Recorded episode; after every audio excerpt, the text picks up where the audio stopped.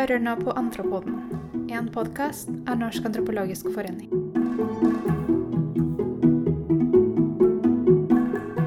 Velkommen til den nyeste antropoden vår, og velkommen til hytta di, Runar Døving. Takk for det.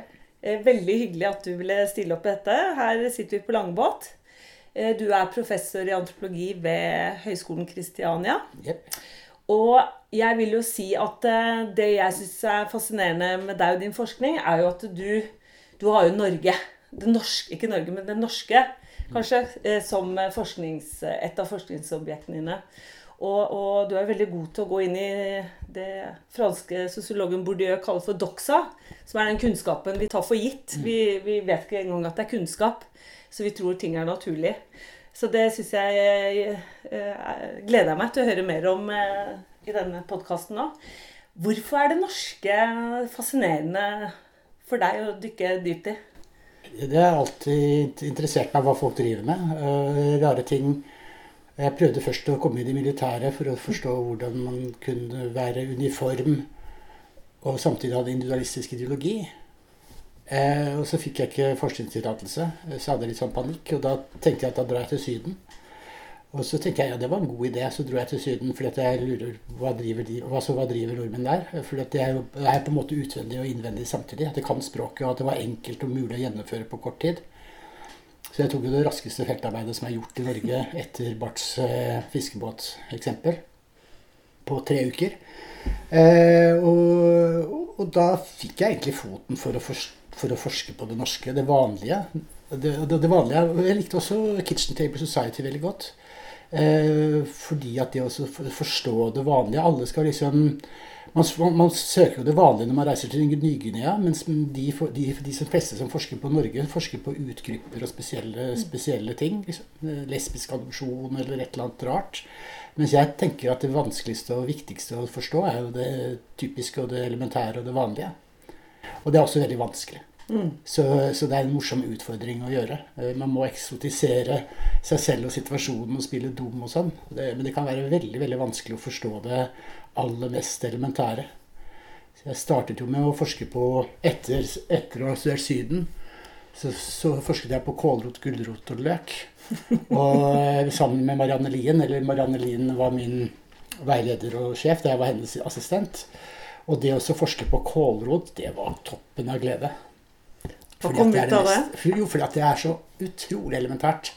Eh, og alle har sine tanker om det, men det er ikke skrevet noen ting om det. Ikke sant? Og, det, og det er ingen som, som, uttaler noen ting. Det finnes ikke en kålroteskurs. da. Så jeg måtte på en måte eh, søke noen ting som er helt taust. Helt utrolig taust. Og samtidig så er, så er, det jo på tallerkenen selve julaften. Eh, for alle de som spiser pinnekjøtt, i hvert fall. Så, så fraværet av kålrot er mer interessant enn selve kålrota på et vis. da. Så Sånne ting syns jeg er veldig artig. Altså. Det, men, men, det er vanskelig, som sagt. Altså, for jeg brukte jo en doktorgrad, og ennå så hadde jeg ikke forstått at nordmenn er et samfunn som spiser med kniv og gaffel, med, med hendene og tror vi spiser med kniv og gaffel. Ja, vi gjør det, ja. Ja, ja. Altså, Vi spiser fire måltider om dagen, og ett av dem er med kniv og gaffel. De andre er med hendene eller skje, liksom. Men, så det er, det er vanskelig. Ikke sant? Du visste det heller ikke. Men, men hvis du kommer fra et land eh, og skal beskrive norske måltider, så ser man jo det faktisk. At nordmenn spiser med hendene. Brødskiver spiser Det er det vi spiser. Og det spiser jo hele tiden med hendene. Og vi spiser også pizza og taco til dels med hendene også. Så, så, det er liksom det måltidet som, som, som, representerer oss, som er det viktigste måltidet, sosiale måltidet, det spiser vi kniv og gaffel. Er det derfor vi holder ved viktigheten av å si at vi spiser med kniv og gaffel? For det på en måte representerer det elitistiske ja, absolutt. Og så er det de der nede i Afrika som spiser med hendene. Liksom. Det er møkkete, møkkete måte å spise på. Ikke sant? Så, så vi er ikke som dem. Og, og, og når man spør nordmenn ja, men hvorfor spiser du hendene Nei, De sier først at de spiser med kniv gaffel. Og hvis du spør dem hvorfor spiser du de brødskivene med hendene, ja, men det er fordi at sier du da. Og det er en sånn klassisk, eh, klassisk eh, selvforståelse, ikke sant. At man at man, at man egentlig ikke har noe objektivt svar fordi at man har definert det omvendt. Så, så hva heter det Så reanalyserer man det ut fra en sånn praktisk variant. Da. At, at man har At det er fordi det er brødskiver. Ja, for det selvforståelse er vel kanskje noe som uh, går igjen, tenker jeg, i hvert fall tekstene jeg har lest av deg. da. Hva er vår uh, selvforståelse? Ja. Og du hadde jo en, uh, nydelig, et nydelig essay i Morgenbladet, syns jeg, nettopp. Ja, takk for det. Om, om Terje Wigen og hvordan det norske konstruerer vår egen historie gjennom bøndene. Mm. mens du viser til denne artikkelen, eller essayet, da, hvordan vi har glemt hele Kyst-Norge. Kan ikke du fortelle litt? For jo, meg var det som ja. eh, skapsørlending var det et veldig nydelig ja, takk, blikk på det norske. Takk, takk, hva er det som får deg til å se på disse tingene, og, altså, og hva, hva, fant du egentlig ut av? Jo, eh, eh, grunn, altså, grunnen er at jeg faktisk hadde litt peiling. Eh, fordi at, eh, at, jeg har jo studert det norske eh, altså når jeg, begynte å, når jeg fikk min første jobb uten å ha hatt jobb lenge, så jobbet jeg som et helvete for å få beholde jobben. Altså Jeg var jo så supergjerrig. På et år så skrev jeg jo en rapport på 350 sider om fisk. Og det er det beste, helt klart det beste jeg har gjort. Men som da er bare i rapportformat, som ikke teller akademisk. da. Men både, og da brukte jeg både kvantitative og kvalitative metoder i tillegg. da og lærte å kjenne den, det norske fiskeforbruket og, og, fiskeribransjen og oppdrett og alt mulig rart. Eh, så, jeg, eh, så, så, når, når da denne koronakrisen kom, så, var, så, ble det da umiddelbart et spørsmål om selvberning og selvforsyningsgrad. Og, og den er bare ført av, eh, av, av landbruket. Altså mat, altså Det heter Landbruks- og matdepartementet, mens det heter Fiskeri og kyst. Mm. Og dette er, er, forskning som jeg har holdt på med for for 25 år siden, som, hvor man regner altså fisk som næring og kjøtt som mat. Og, og man er altså et brødspisende folk. Og, og, og, all den fisken den blir ikke markedsført overfor nordmenn. Så jeg kunne veldig mye om norsk fiskeridistribusjon. Hvordan en, en fisker i Nord-Norge ser på det norske markedet som veldig komplisert og vanskelig, fordi det er så fragmentert, og du har ikke, du har ikke klare linjer. Og, og, mens, mens, og det å selge all fisken ut til en, en nederlandsk oppkjøper er mye mye enklere enn å forholde seg til det norske markedet.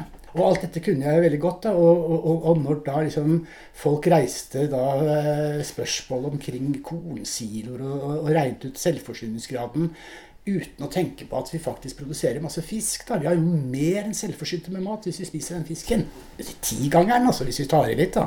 Så jeg ble først veldig irritert, og så, og så tenkte jeg på, eh, han dusten Terje Vigen. Så jeg kalte Terje, først skrev jeg en liten petit da, hvor jeg kalte Terje Vigen en dust. Så hvorfor ro eh, til Danmark etter kor, de kan plukke østers i fjæra. Så, så nå er det jo masse innovasjon av østers som er jo helt nydelig.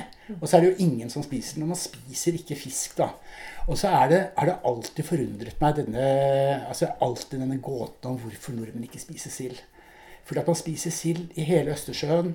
Man, altså Bortsett fra England, så hele Øst-Europa spiser jo masse masse sild. Og altså nordmenn, nordmenn serverer Europa med delikatesse, delikatesse og, og, italiensk mat som vi ser sånn opp til så er det jo så mye fiskeretter, fiske, gode fiskeretter. Så når jeg er i Italia, så spiser jeg aldri pasta og pizza. Ja, fordi det er jo bare fiskeretter av nydeligste kvalitet. da. Så jeg ble først bare irritert. Og så var det noen som mente at de tok feil. At Terje Vigen han faktisk rodde til Danmark. Og så tenkte jeg dette her må jeg finne ut. Så jeg påtok meg rett og slett en sommerjobb da, om, å, om å forstå napoleonskrigene og norsk selvforståelse. Og da tok jeg utgangspunkt i Wikipedia. Og så leste jeg på Terje Vigen, og så tok jeg alle, alle absolutt alle artikler som, som hvor Terje Vigen nevnes. Og så så jeg på kildene til dem, og så gikk jeg inn og så så på kildene til dem igjen. Og så, For da spørsmålet er liksom sånn Hvorfor eh, eh, ro til Danmark når du kan seile? Mm. Ja. Eh, nei. Og hvorfor dra aleine? Og er det sånn at at hvis kone og barn ligger og sulter på loftet har du krefter til å ro over til Danmark? liksom? Nei, du har ikke det. Du må ha matpakke. Hvordan skal du ha matpakke? Er, er, og sulter du? Altså, Sult er noe annet enn nød. da. Så jeg gikk gjennom absolutt alle kildene. Fant ut at de som da satt i prisonen, de som ble tatt til fange, det var kaprere. For Norge drev kaprervirksomhet, kjørervirksomhet. Det var ikke sultne bønder. Og de som ble tatt av Terje Vigens type, de hadde alle sprit i lasten, de var alle to, og de seilte alle. Mens, mens øh, Og Terje er jo bare et dikt, så man kan jo dikte hva som helst. Men poenget er at, man at Terje Vigen har blitt gestaltet som en historisk skikkelse. Og det står jo til og med et gravsted av han ved Fjerde kirke. ikke sant? Så, så Terje Vigen blir konstruert som en faktisk historisk person. da. Så jeg dekonstruerte det, det, den hendelsen fullstendig, samtidig som jeg da viste, med, med kraft av den kunnskapen jeg allerede hadde om fiskedistribusjon og, fiske, og, og, og fisk, så viste hvordan landbruket faktisk er mer egnet for å distribuere norsk fisk enn eh, fiskeriene selv eller, og, og norsk matvaredistribusjon, altså detaljistleddet. da. Og, ja. Ja, nei, så Det var bare en, en, en veldig veldig morsom sommerjobb basert på eh, kunnskap som jeg hadde, og da koblet meg på en kunnskap som jeg ikke hadde, nemlig den historiske kunnskapen om, om eh, blokaden og napoleonstiden og sånn. Hvor jeg ble jo søkkeirritert på at, eh, at historikere bruker all tid på annen verdenskrig istedenfor de viktige krigene. Liksom. Men poenget er jo det at, ikke sant, at man konstruerer Norge til én ting.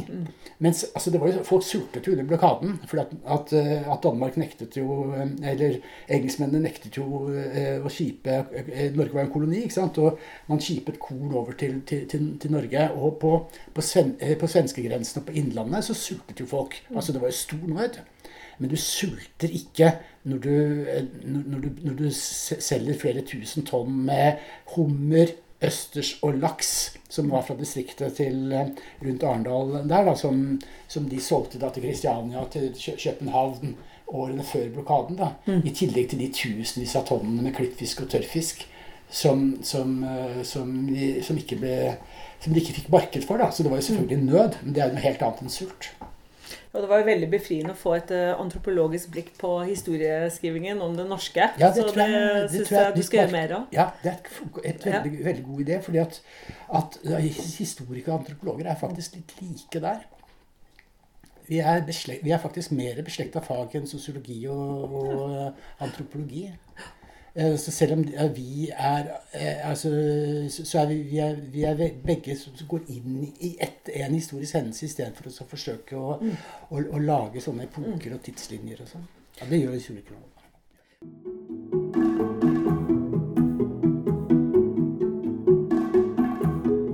Antropoden er produsert av Norsk antropologisk forening.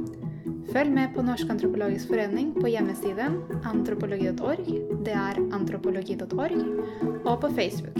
Norsk antropologisk forening Fremtidens antropologi. Det er Norsk antropologisk forening Fremtidens antropologi. Hvis vi går tilbake til vår tidslinje nå, så tenker jeg en annen, eh, en annet eh, interessant eh, forskning du har hatt, er på det som omtales eh, i mediene ofte og som harryhandelen. Ja, ja. Eh, her, eh, jeg bare vet at du har gjort det, men jeg vet egentlig ikke helt hva du har kommet på. Det syns jeg er litt interessant. for det, det du også gjør med forskningen din, er at, som du gjorde med Syden, som jeg jo har lest, det er at du, du går inn med mye kjærlighet inn i forskningsfeltet ditt. Du går ikke inn og Men du tar det som mange forakter lett, og snobber seg på. Og så går du inn og heller prøver å forstå det, og så gir du det gir du deg mye for, ja, en forståelse. Da. Så hva, kan du si litt om eh, Nei, altså, hva er, det, hva er harryhandelen, slik du ser som, det? som antropolog så, Mm. så, så, så må man være interessert, og og jeg er veldig lett å interessere. og Derfor så har jeg stor glede av det. da. Men, Mm. men og, og det sånn, man kan ikke forakte sitt, sitt, sitt altså, altså Et par ganger så har jeg hatt problemer når folk sier at skyt de jævla muslinga, det koster bare en krone skuddet, liksom. Da tar jeg biter meg i, i knoken og får lyst til å liksom svare litt alvorlig, da. For, så man kommer jo i situasjoner hvor det er, liksom, det er vanskelig å holde kjeft. da. Men, men øh, Og jeg vokste opp i en, i en ketsjupfamilie. Nei, i en sennepfamilie. og, og da liksom komme til harryhandelen og til, til, til, til Syden og sånn. Så, men så man skal forstå folket på sine egne premisser. Og da når man forstår det, så blir det veldig lett å like, faktisk. Så Syden var jo kjempelett å like. Og jeg, altså etter å ha vært i, etter å ha studert Syden, så fikk jeg jo mye mer forakt for de der eh, antituristene som skal ha en strand for seg sjæl liksom, og tro at de ikke er turister. Så da blir jeg automatisk på, på, på Sydenturistens dag. Liksom, Kom, vær med, så heng på, liksom. Så når jeg fikk det øh, forespørsel om, om Det var et oppdragsforskning, da, det der på å studere ha, grensehandelen. da. Så tenkte jeg ok, da kan jeg gjøre et komparativt studie mellom Svinesund og, og øh, grensen mellom Finland og Finnmark. og, og studere sameland. Liksom, for se, se, se deres forhold til, til grensehandelen. Eh, men det grensehandelsprosjektet er noe av det jævligste jeg har gjort. Fordi at jeg var 14, jeg bodde 14 dager på, på et motell på Svinesund og hadde 16-timersdager inne på Nordby. Og du vet, å være på et kjøpesenter 16 timer i løpet av en dag Jeg ble, jeg ble, jeg ble faktisk litt skadet av det. Eh, jeg kan ikke gå til, tilbake. Å, jeg var tilbake tilfeldigvis og begynte å hyperventilere. Så et sånt, å være, drive felt, feltarbeid på kjøpesenter, det er hardt. Det er for hardt for meg. Mens det var kjempegøy å være i Finland. Ja. Og i, i, Ja, Hva var forskjellene i dette kompaniet? Hva var i snakk i Jo, forhold at, til at, eh, at, at svenskehandelen, harryhandelen, er politisk. Ja. Eh, 65 eh, stemmer Fremskrittspartiet. Og, eh, og det er om å gjøre å gi staten en kilevink, liksom. Fordi at, eh, at staten tar alle pengene våre. Ja. Eh, slik at, at man kan godt betegne harryhandelen som, eh, som, som po po politisk. Og så er det jo veldig gøy også å se på de regnestykkene man gjør da, for å få allting til å gå opp i sin favør. liksom. Det er en greie, da. Mens, i, i, men samene vet du, de er et så grenseløst folk. Ja. Og de anerkjenner jo på en måte ikke grensa mellom Norge og Finland i utgangspunktet. Så for dem, det å dra på, på, på bestemors eller bestefars side, som de kaller eh, Karasjok, altså i grenseelven, er liksom eh, same same, liksom. Så, så, så det å dra til, til Det er ikke noe forskjell å dra til Lakselv for å handle møbler enn å dra til Finland, Kargasniemi, for å handle sprit. Det var bare sånne praktiske øvelser. For de, de, de ser ikke den grensa.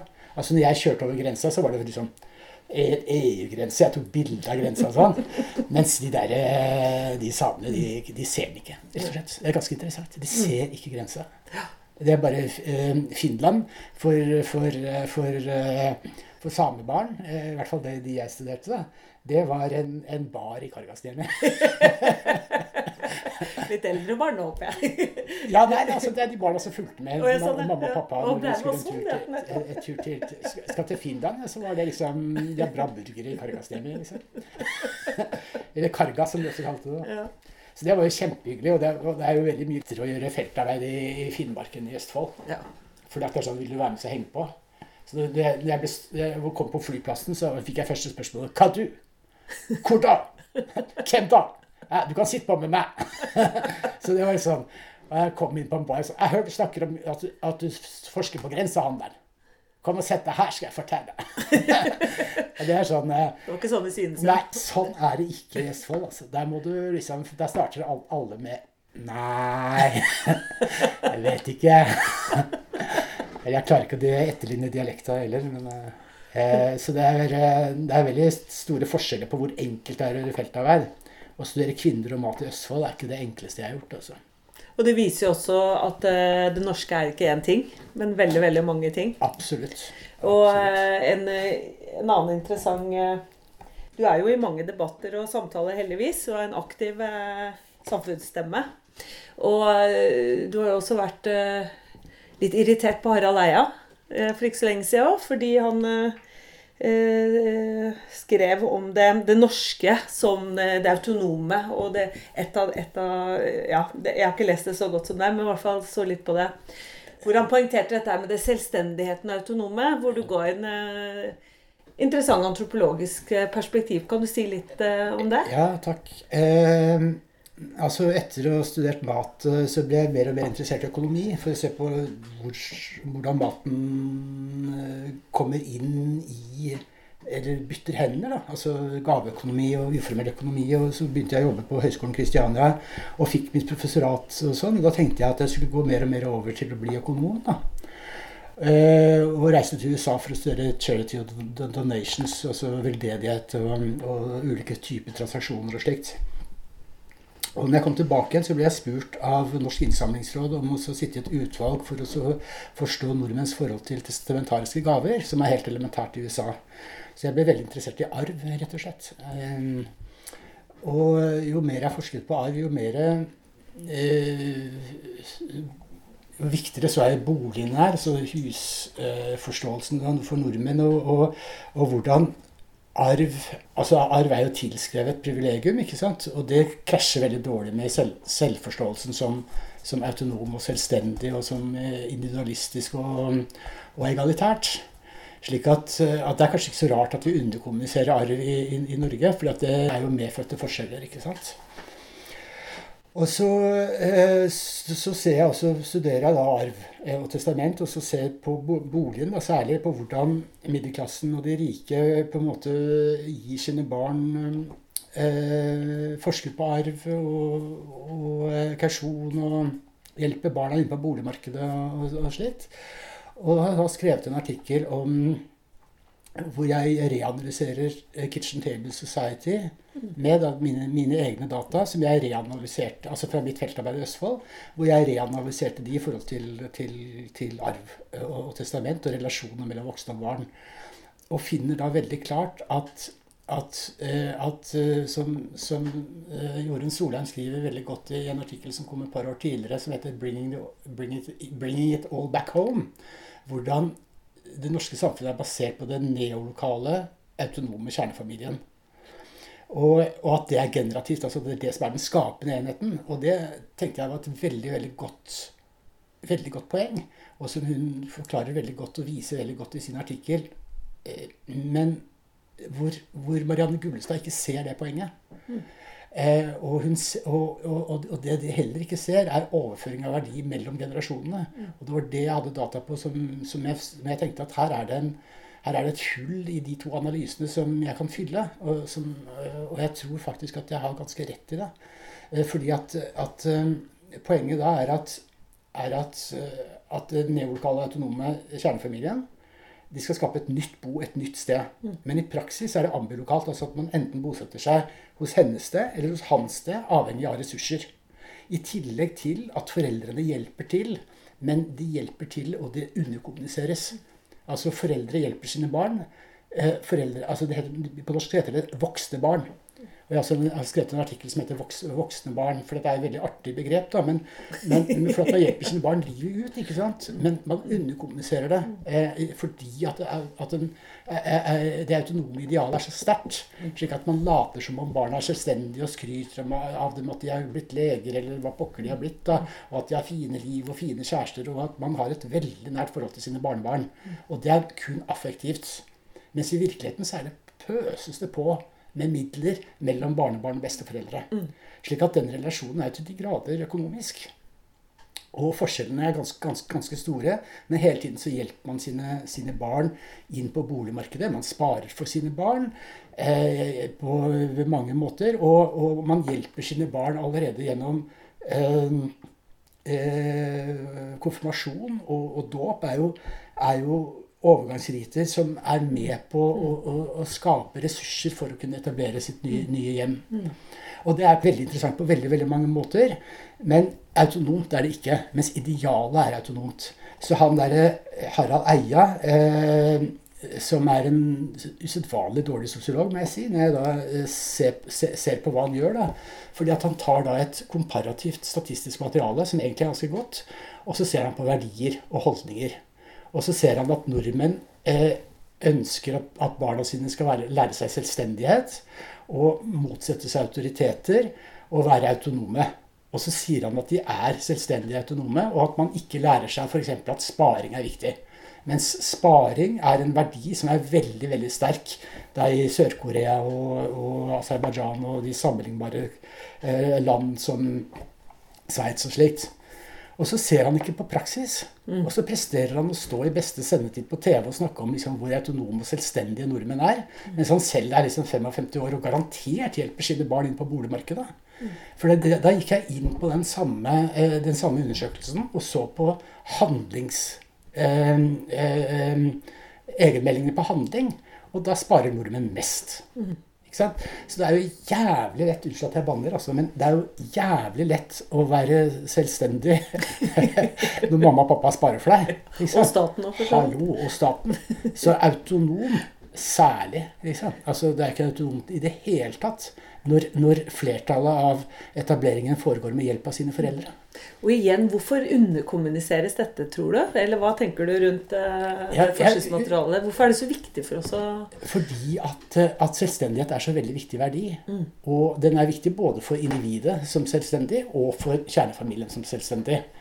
Og for da at du skal vise at dine barn har lykkes, så skal ikke de være arvinger.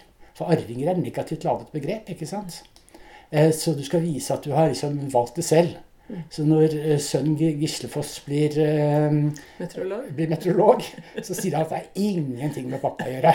Jeg valgte helt selv. Og jeg vil tippe at indere ville sagt det annerledes. Så, så, så det er et eller annet med at, at, at både individet og når individet og, og, og etableringen skal være autonom, så, så trekker man seg som foreldre i, bak, i bakgrunnen og later som, det ikke, ikke, som overføringen ikke skjer. Og, så, og, så, og så sier man at det er affektivt. At det er kjærlighet. Og så gir man barnebarna kjempestore gaver som ikke har noen ting med penger å gjøre. At de får sykler og, og ski, og pappa hjelper til og bygger, og det er bare kjærlighet. liksom. Det er ikke noe med penger å gjøre. Nei, Hadde det vært i Afrika, så ville jeg jo ha studert i, så kalte man det sosiale sikkerhetsnettet. Ja, ikke sant? Mens det ikke er eh, med i denne Ja. Så, så, så, og det er ganske interessant, for den norske jussen er jo basert på individet. Så, så sønnen til Røkke har jo krav på sosialhjelp. Mens i virkeligheten så, så, så vil jo en sosialarbeider sørge for å si at hør her, liksom. Faren din har 50 milliarder, liksom. Ikke, eh, kan du ikke gå til pappaen din? Men da skal de i prinsippet ha rett til sosialhjelp som alle andre. Mm. Mm. Så- Spørs om man eh, får behov for det. Nei, og noen overførte jo nettopp eh, pappa Røkke en fjerdedel av, av verdiene til sønnen. da. Mm. Slik at det betyr jo at han har eh, ganske mange milliarder på bok allerede. Mm. Det er jo noen skattefordeler i det, vil jeg tro. Ja, For de fleste det er, gjør jo ja, det. ikke sant? Og det er så rart at, Mm. at man gjør det, for at man bygger altså eh, imperier. Eh, familier bygger imperier. eh, Og, og, de, og i motsetning til USA, så er da ikke disse imperiene de er ikke, Det er ikke tenkt at de skal komme samfunnet til gode. Mens am, am, amerikanske, leser du amerikanske nekrologer, så står det liksom My father gave his, Mm. eh, this, a million to his favorite charity, Mm. and I'm so proud. Mm. Um, mens i Norge så er testamentariske gaver ikke en del av samfunnet. Så, eh, så jeg syns det har vært kjempeinteressant å, å studere det, det hullet der. Eh, jeg får jo masse hattelefoner, da. Jeg får, Fra arvingene. nei, fra, altså, fra folk som, hvor jeg indirekte sier at det skal være en, en arveavgift på 100% da blir folk, altså Arveavgiften er, vekker innmari sterk sinne i Norge. Mm. Og det gjør det nok fordi at det, det krasjer med, med idealene. Ja, og kanskje også folks økonomiske trygghet, da.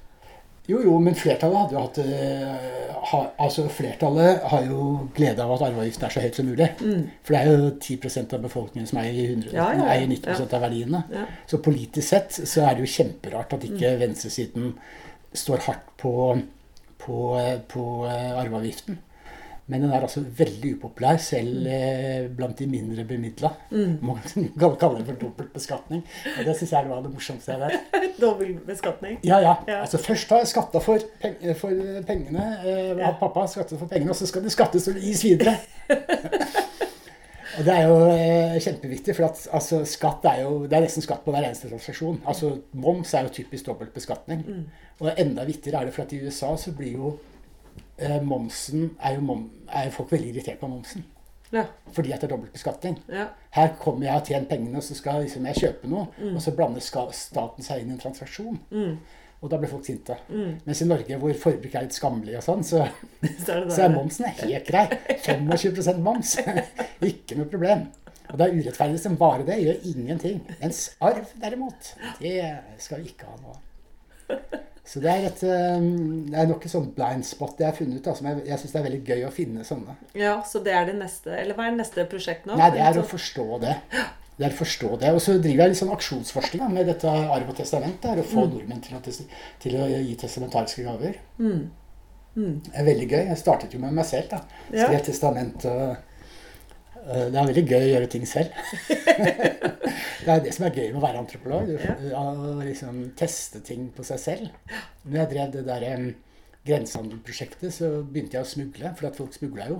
Jeg skrev en artikkel om smugling. Og da kom jeg liksom, jeg kommer fra Statens institutt for forbruksforskning og studerer grensehandelen. Og da ble folk litt nervøse, liksom. Så tenkte jeg altså, Tenk at vi ble tatt, liksom. Og folk tror at det er meg som har tysta til, til tollerne, liksom. Så jeg, må, så jeg måtte smugle litt selv. Være sikker, liksom. Og gjøre som de andre. Altså do as så locals, da. Og så eh, traff jeg noen sånne damer i 60-årene som, som hadde sånn derre king, king size eh, trillebag. Som de stappet fullt med spritflasker. Og så tetta de det med, med kartonger med, med, med, med uh, sigaretter. Storsmugling. Og de satt jo i, i, i bussen og var litt nervøse. og da, da tenkte jeg å prøve litt det samme. da. Så, så, så jeg, jeg prøvde meg på storsmugling for, uh, i, i, i embetes medfør. Gikk det bra? Ja, det gikk jo selvfølgelig bra. Men hvis jeg hadde blitt tatt, så tror jeg det hadde vært en veldig mer- merkelig seanse. Nei, det er bare forskning. Jeg tviler på at du hadde kommet eh, unna med det. Jeg hadde ikke kommet unna med det. det. Men jeg, og jeg har til og med outa meg selv, så jeg noter i den artikkelen som jeg skrev, der, der står det Ja. Innrømmer jeg mitt lovbrudd. Ja, nei, og med det kan vi vel kanskje takke for eh, denne veldig eh, sp- interessante samtalen om det norske. Så tusen takk, Runar. Takk for praten. Ja. Ha en riktig god dag. I like måte. Og helg. Ja, ja, helg.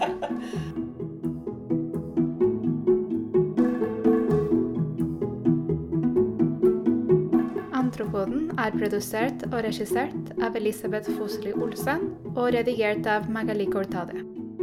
Sangen vi tar i bruk, er 'Holsom' av Kevin MacLeod, som vi har lastet ned fra Incompetech.